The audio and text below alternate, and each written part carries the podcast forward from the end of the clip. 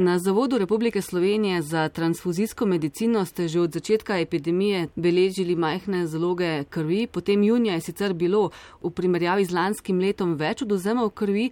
Kakšno je stanje zdaj? Ja, trenutno so zaloge krvi še vedno nizke, vendar zadostimo vsem potrebam slovenskega zdravstva. To se pravi, da vsak bolnik, ki potrebuje kri, le to tudi prejme. Zahvaljujemo se krvodajalcem in krvodajalkam, da se odzivajo na vabila Rdečega križa Slovenije, območnih združenj Rdečega križa in transfuzijske službe in prihajajo na odzeme krvi. Je stanje zalog podobno pri vseh krvnih skupinah oziroma katere vam najbolj primankuje? Ja, zaloge krvnih skupin so v glavnem kar vse bolj na nizkih nivojih. Trenutno, eh, in to je nekako običajno, eh, vabljeni predvsem krvodajalci, ki imajo podskupino RHD negativno, trenutno najbolj tisti, ki imajo ARHD negativno krvno skupino. Sicer pa vabimo krvodajalce, da tudi sami spremljajo naše zaloge, ki so objavljeni na spletni strani Zavoda Republike Slovenije za transfuzijsko medicino in lahko lahko potem sami, ker poznajo v glavnem svojo krvno skupino, pomagajo k polnjenju zalog. Se je število tistih, ki običajno darujejo kri v zadnjih tednih, ko se, vemo, število okuženih s koronavirusom vsak dan drastično povečuje, kaj zmanjšalo? Morda ravno zaradi tega. Ja, trenutno moram priznati, da se krvodajalci obnašajo dovolj odgovorno in da um, nekako se izogibajo da bi zboleli. Imamo tudi nekaj prebolevnikov, uh, krvodajalcev, ki so se že srečali s to boleznijo. Seveda pa se pojavljajo v splošni populaciji in tudi med krvodajalci, predvsem tisti, ki so morda v karanteni in morajo počakati, ali se bojo pojavila bolezen ali ne, tisti potem niso primerni za darovanje. Tako da uh, pozarjamo, spoštujmo vsi ukrepe, spoštujmo nošenje mask, razkožujmo roke, izogibajmo se zbolelih in obolelih in seveda tako pomagamo drug drugemu in seveda tudi bolnikom, ki bi morda ali pa bodo potrebovali kri tudi v prihodne. Potrebe po krvi se trenutno še ne zmanjšujejo, kaj bo prineslo višanje števila eh, zbolelih v državi, bomo tudi še videli, ali se bo ustavilo. Eh, zdravstvo, vsaj za nenujne eh, postopke, vendar eh, kri bo zdravstvo potrebovalo. Tako da pričakujemo lahko seveda, da bomo zboleli tudi naši krvodajalci, bodo pa potem tisti, ki niso bolni, pomagali. Solidarnostni princip še vedno velja. Imate kak predpis, kdo sploh ne sme darovati krvi? Naprimer, Julija niso smeli darovati krvi ljudje, ki so bili na Hrvaškem, v Srbiji, Bosni in Hercegovini, ter pa seveda v stiku z okuženo osebo. Imate zdaj kakšna podobna pravila? Še vedno veljajo pravila podobno kot veljajo na državnem nivoju, a ne, če prihajate z tako imenovanih rdečih eh, con, regij, zdaj že kar držav, ker se spreminja ne iz dneva v dan praktično te uh, seznami 14 eh, dni morate odložiti darovanje, darovanje morate odložiti tudi, če seveda ste dobili predpisano karanteno, če ste bili v kontaktu, tako da, če pa ste sami prebolevali morda korono, pa svetujemo, da kri darujete šele 14 dni po zadnjem izvenelem simptomu, tako na morda za lažje orientacijo. Od prvega dne pojava simptomov je kar dober mesec da nekako izvenijo vsi simptomi, da se ljudje vrnejo v delovne procese, pri kom pa eh, še vedno kakšno slabo počutje, tudi v tem primeru niste primerni za krvodajalca. Povedati pa moram, da so krvodajalci tudi izredno odgovorni, po drugi strani imamo primere, ko so zboleli v nekaj dneh po odzemu in so nas o tem tudi eh, povsem ustrezno in pohvalno obvestili, tako da smo lahko določene ukrepe potem eh, izvedli, ali je šlo za samo opazovanje ali pa smo preverili, kakšno je bilo stanje ostalih v okolici. Tako da se jim tudi na tem mestu zahvaljujem za vse, ki so se odzvali oziroma veljajo navodila, da če zbolijo, se nam javijo. Pozoriti pa moram in prosim, da veljajo še vedno tudi osta, ostala merila oziroma pogoji za darovanje krvi in tudi na te ne smemo pozabiti, kot veljajo ne za splošno um, darovanje krvi, torej vsi tisti um, znani pogoji od starosti, teže, višine, uh, bolezni in podobno, uh, ki so tudi objavljeni na naši spletni strani. Vedno preverite kri nekoga, ki je pač se odločil prvič, da bo daroval kri.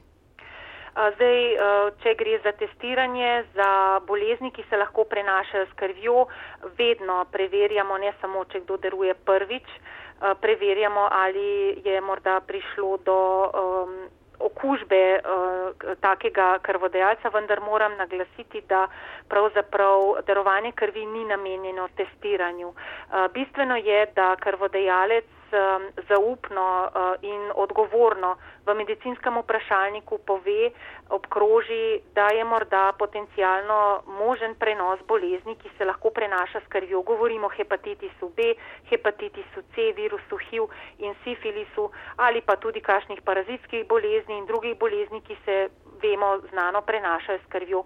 Zato toliko posvečamo odgovornosti in navodilom, da krvodajalec v medicinskem vprašalniku odgovarja pošteno na zastavljena vprašanja, tako o lastnem zdravstvenem stanju, kot da bi preprečili prenos bolezni na bolnika. Če pa me sprašujete v zvezi z COVID-om, uh -huh. ne, potem pa moram povedati, da tukaj gre za predvsem oceno zdravstvenega stanja samega krvodajalca ob telefonskem pogovoru in naročilu za odzem, potem pa seveda na vstopni triažni točki še enkrat in eh, če kaže naš krvodajalec kakršne koli znake, niti ne more vstopiti na krvodajalsko akcijo. Eh, ne testiramo na prisotnost koronavirusa, kajti virus korona se ne prenaša s krvjo. To je um, sreča v tem hudem um, epidemiološki situaciji, ki sedaj je in to je pravzaprav mogoče, da darovanje krvi teče nemoteno. Ne preverjamo, torej um, ne delamo brisov, vemo, da se koronavirus lahko dokaže samo z brisom nazofaringsa in posebno metodo PCR-a.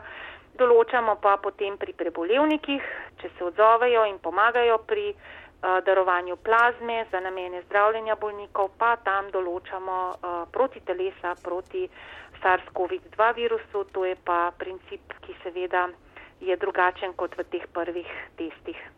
No, ravno to na Zavodu Republike Slovenije za transfuzijsko medicino ste začeli zbirati to prebolevniško plazmo oseb, ki so prebolele bolezen COVID-19. Kolikšen je bil do zdaj odziv? Odziv eh, prebolevnikov eh, je bil lep, eh, smo kar zadovoljni, čeprav smo še daleč od zastavljenega cilja.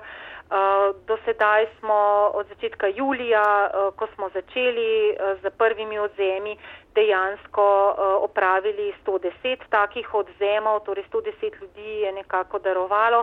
Eh, plazmo, prebolevniško plazmo, vendar žal zaradi posebnih pogojev, eh, namreč ta plazma mora vsebovati dovoljšno količino eh, neutralizacijskih protiteles proti koronavirusu, niso vse te enote potem primerne za tako imenovano klinično uporabo, torej za zdravljanje bolnikov, ki imajo COVID.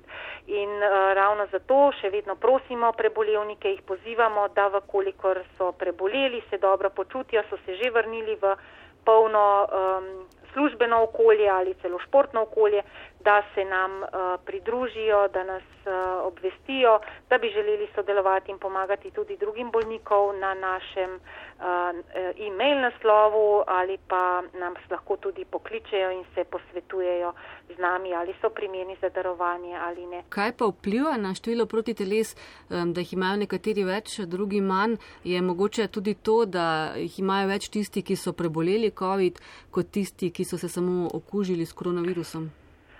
Zdaj, seveda je potrebno vedeti, da okužba lahko poteka z zelo blagimi kliničnimi znaki, pa potem morda ljudje, kar mislijo, da niso bili nič bolni.